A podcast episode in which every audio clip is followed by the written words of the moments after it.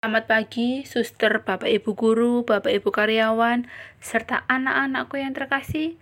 Sebelum kita memulai segala aktivitas kita pada pagi hari ini, marilah kita berdoa dan mendengarkan sabda Tuhan. Inilah Injil Yesus Kristus menurut Santo Lukas. Dimuliakanlah Tuhan.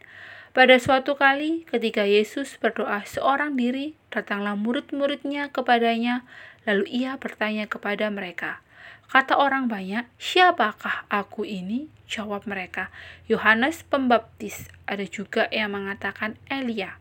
Ada pula yang mengatakan bahwa seorang dari nabi-nabi dahulu telah bangkit.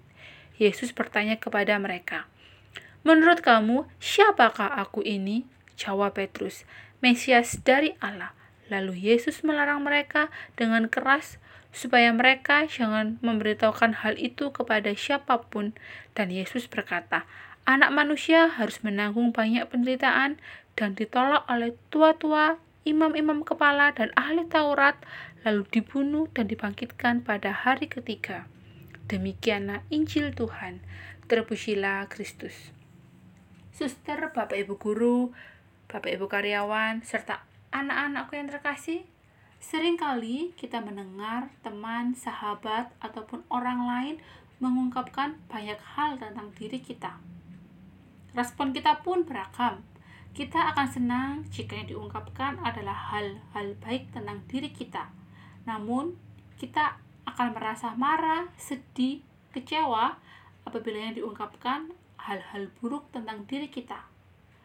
Tetapi di balik itu semua, terbesit di hati kecil kita perasaan senang. Mengapa? Karena sahabat, teman, ataupun orang tersebut telah mengenal diri kita dengan sangat baik.